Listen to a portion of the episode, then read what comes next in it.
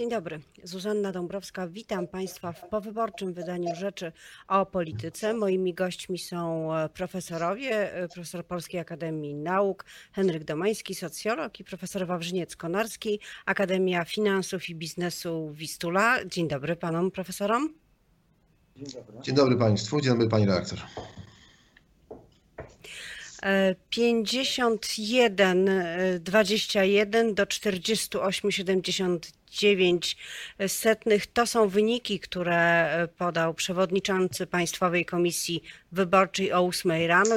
Ponad 99% komisji wyborczych już oddało swoje protokoły, które zostały policzone. Wygląda więc na to, że taki wynik pozostanie. E, To jest około 500 tysięcy głosów. Czy to jest dużo, czy mało? Profesor Domański.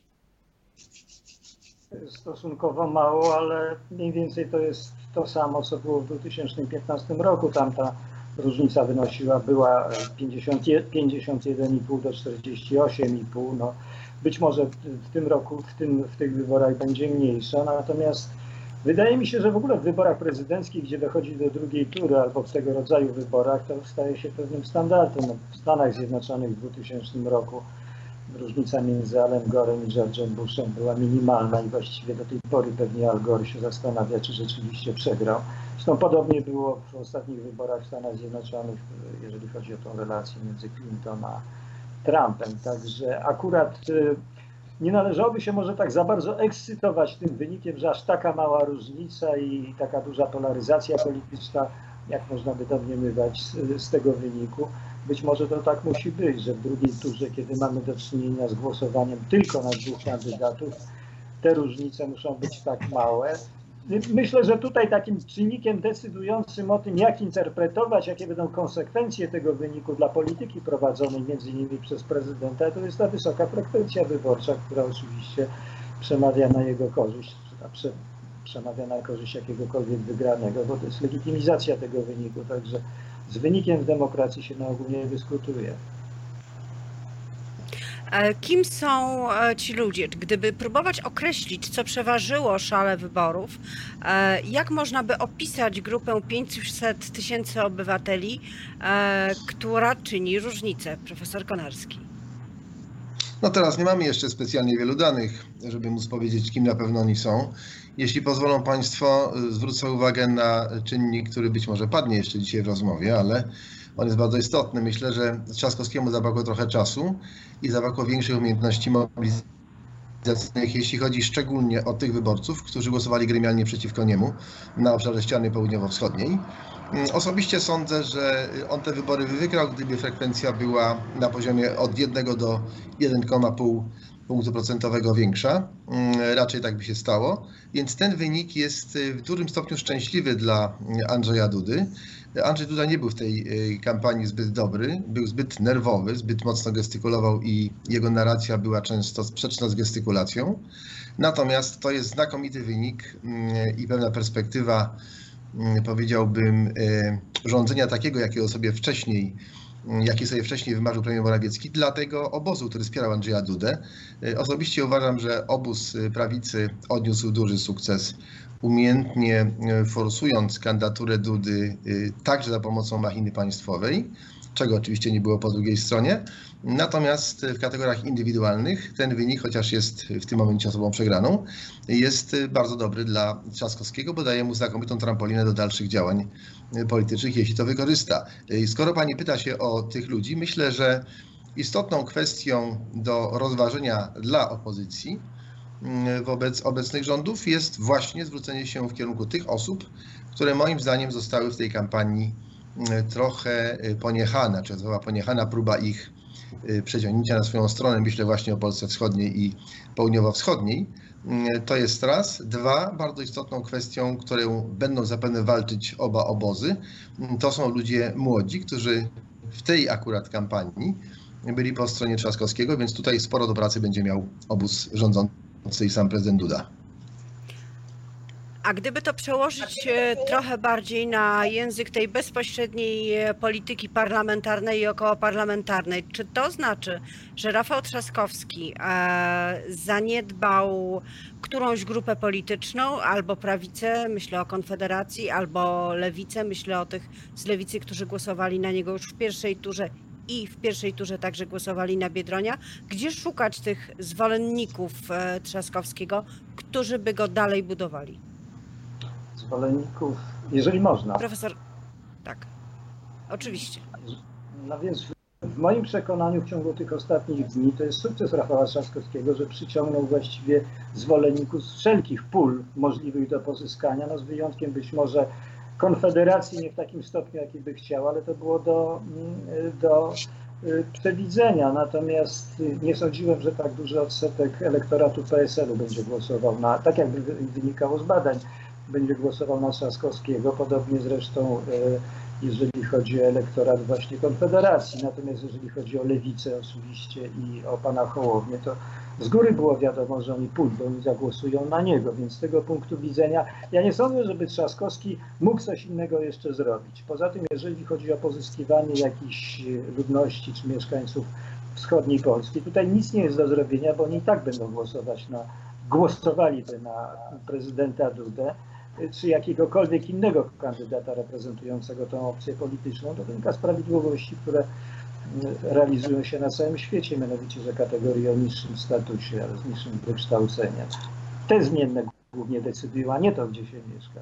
Tak wynika z wszystkich badań, zresztą sam również robiłem w odniesieniu do Polski. One decydują i tutaj raczej się nic nie zmienia. Ludzie się kierują tak zwanym racjonalnym wyborem, dokonują e, bilansu korzyści i i kosztów i im wychodzi, że lepiej głosować na tego kandydata, którego popierają, bo to jest w ich interesie, nie tylko interesie ekonomicznym, ale takim, no akurat, że w przypadku prezydenta Dudy głosowanie na, na niego dowartościowuje tych ludzi. Tutaj można by wskazywać na wiele elementów polityki prowadzonej przez PiS, bo w końcu kampania prezydenta Dudy była ściśle związana z polityką realizowaną przez PiS od samego początku. Ja nie sądzę, żeby Rafał Trzaskowski mógł odnieść taki, no jakiś wyraźny sukces. Natomiast odniósł rzeczywiście sukces, że mu się udało w ciągu niecałych 13 dni zredukować te 13%. Ja nie sądziłem w porównaniu z pierwszą turą, bo to mam na myśli. Nie sądziłem, że mu to się uda, a jednak się udało i był na pograniczu, no, no, na pograniczu zwycięstwa. Także natomiast jeżeli jeszcze jedno słowo dotyczące, dotyczące tych możliwości obozu rządzącego w związku z wygraną prezydenta Dudy. Ja myślę, że paradoksalnie one trochę w gorszej sytuacji, ponieważ w tej chwili nie ma żadnego usprawiedliwienia przed wycofywaniem się z tych reform. reform. Gdyby wygrał Trzaskowski, to byłby taki argument, no prawda, chcemy reformować, chcemy zmieniać między innymi system sądownictwa i te wszystkie inne rzeczy, do których aspiruje PiS, ale Trzaskowski nam nie pozwala, prezydent nam nie pozwala, natomiast w tej chwili nie mają wyjścia i muszą to robić, aczkolwiek pewnie będą również chcieli i mają większe możliwości. E, w takim razie dokąd e, powinien iść politycznie, w którą stronę politycznie powinien iść Rafał Trzaskowski jako no, chyba lider opozycji w tej chwili e, i też jest pewna trudność na tej drodze. On jest prezydentem Warszawy, prezydent Warszawy nie może kierować obozem politycznym. Co powinien zrobić profesor Konarski? No bo chce pani, żebym dawał radę oczywiście, ale no cóż, spróbuję oczywiście. zrobić to w sposób salomonowy.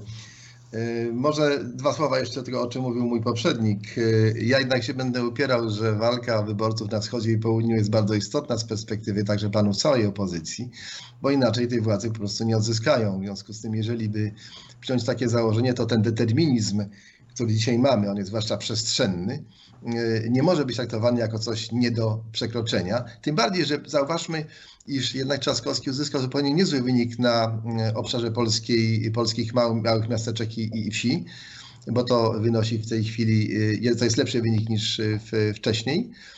Ale to nie znaczy wcale, że, że on jest wynikiem dobrym, bo oczywiście nie dało mu to tego, y, czego oczywiście oczekiwał. Trzaskowski jest wizerunkowo człowiekiem sukcesu, co bardzo ważne on y, nie może być identyfikowany z y, nieudolnymi próbami przewodzenia Platformy dokonywanymi wcześniej przez Ewę Kopacz i Grzegorza Schetynę. Nie mówię o umiejętnościach Schetyny jako y, przywódcy, nazwijmy to, aparatu partyjnego, bo tu się dobrze sprawdzał, natomiast on jako frontman był dramatycznie tragiczny i oczywiście za długo był szefem tej partii. Platforma w zasadzie powinna być partią przeformułowaną albo wręcz zlikwidowaną. I Trzaskowski, jeśli będzie odważny, to powinien to zrobić, skoro mnie pani o to pyta.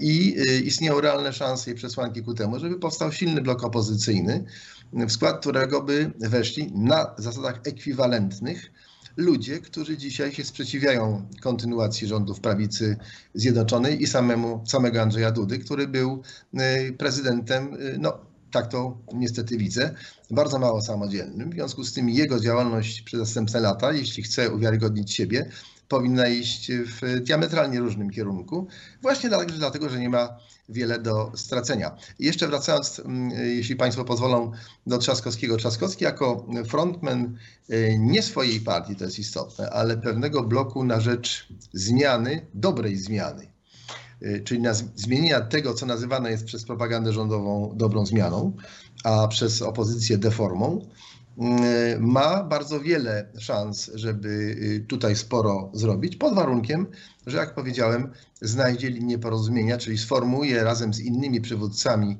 mm, innych partii, które są w opozycji prosystemowej, to wyraźnie chcę zaznaczyć, a więc chodzi mi to oczywiście o PSL i o Lewicę, bo z konfederatami, którzy bardzo chcą się wybić na pełną niepodległość, raczej to nie będzie możliwe.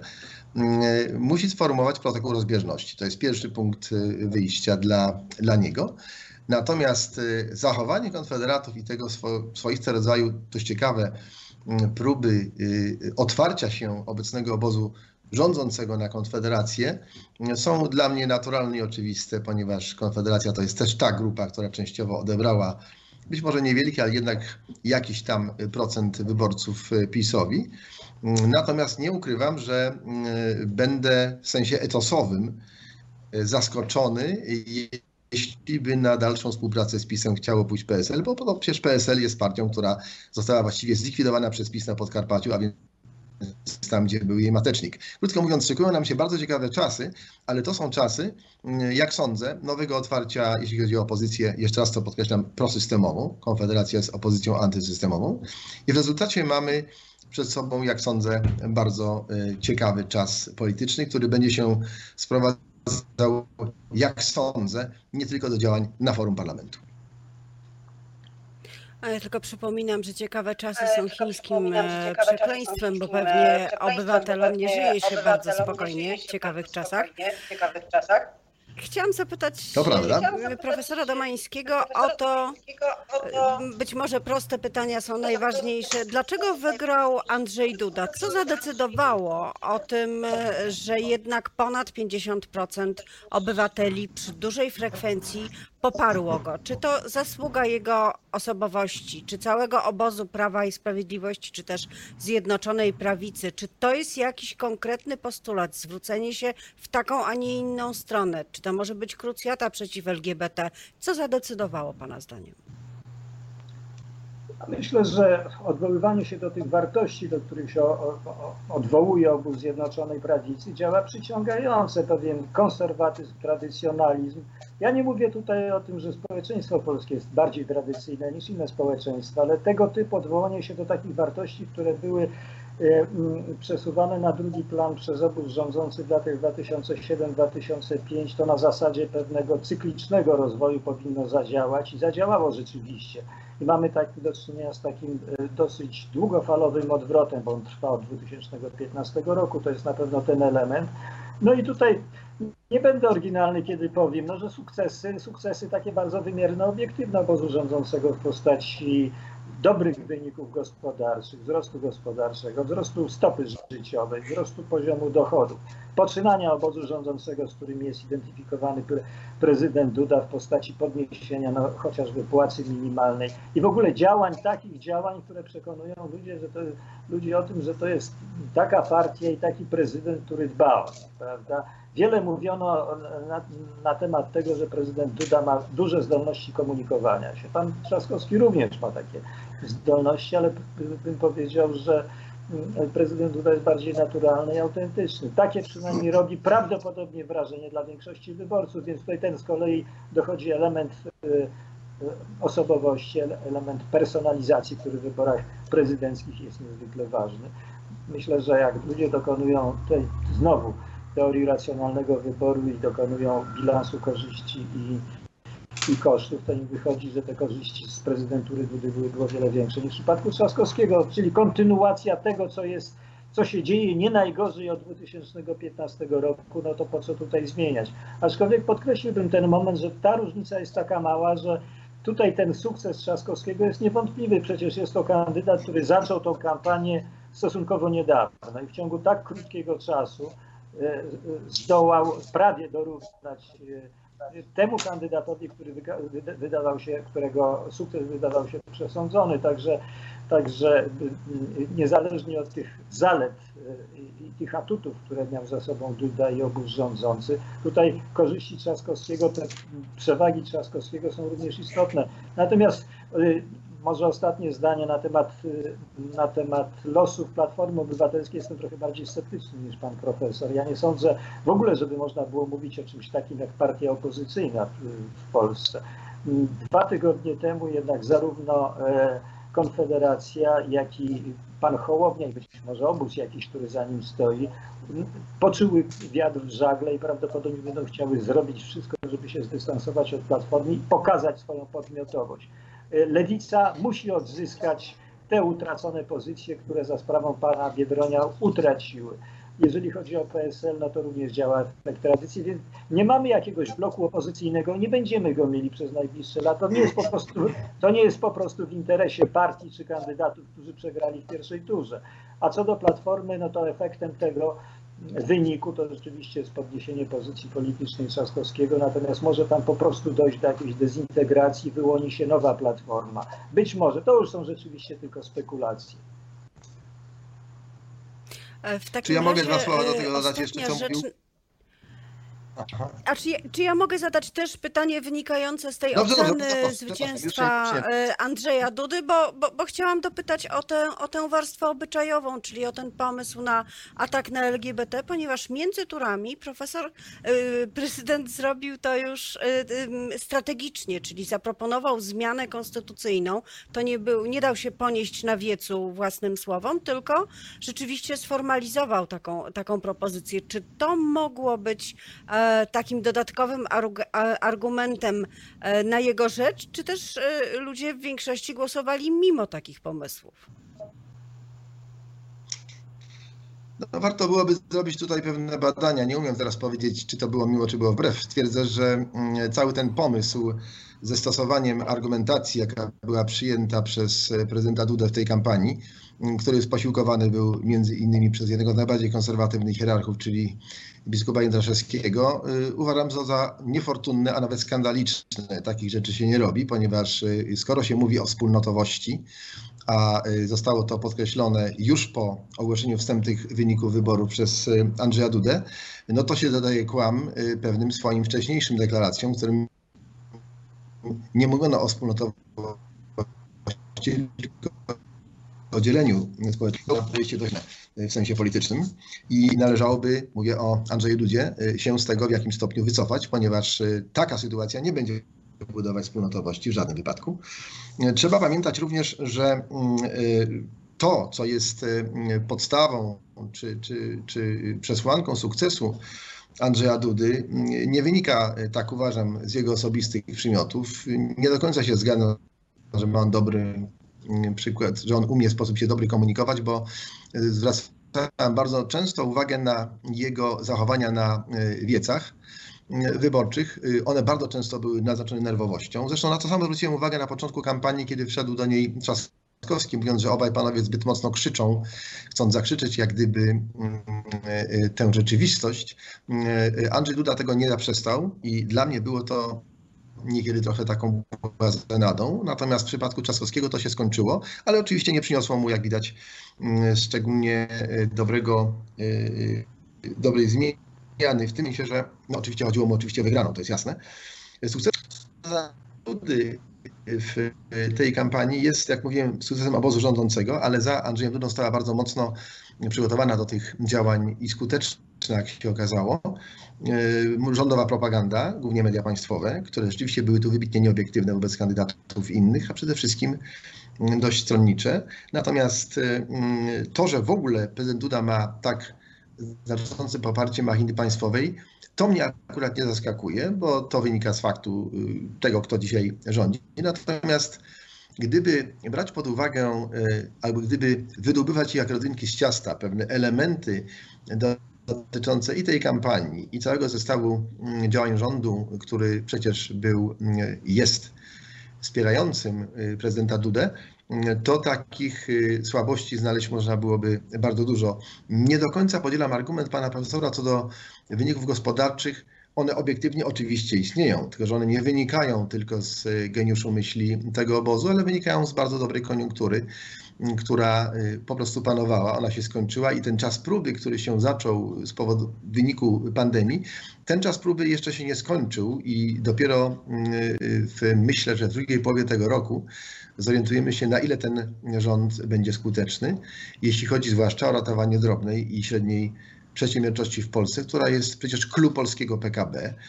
Wydaje mi się, że rząd wciąż nie ma na to pewnego sposobu i jeśli przyjąć założenie, że Andrzej Duda będzie taką, y, takim przykładem y, wiernej takiej tuby tego rządu, y, to nie zwiększy tego reputacji. Jego reputacja może być tylko wtedy zwiększona, jeżeli rzeczywiście pokusi się o mm, pokazanie większej samodzielności, także w krytyce niektórych działań rządu.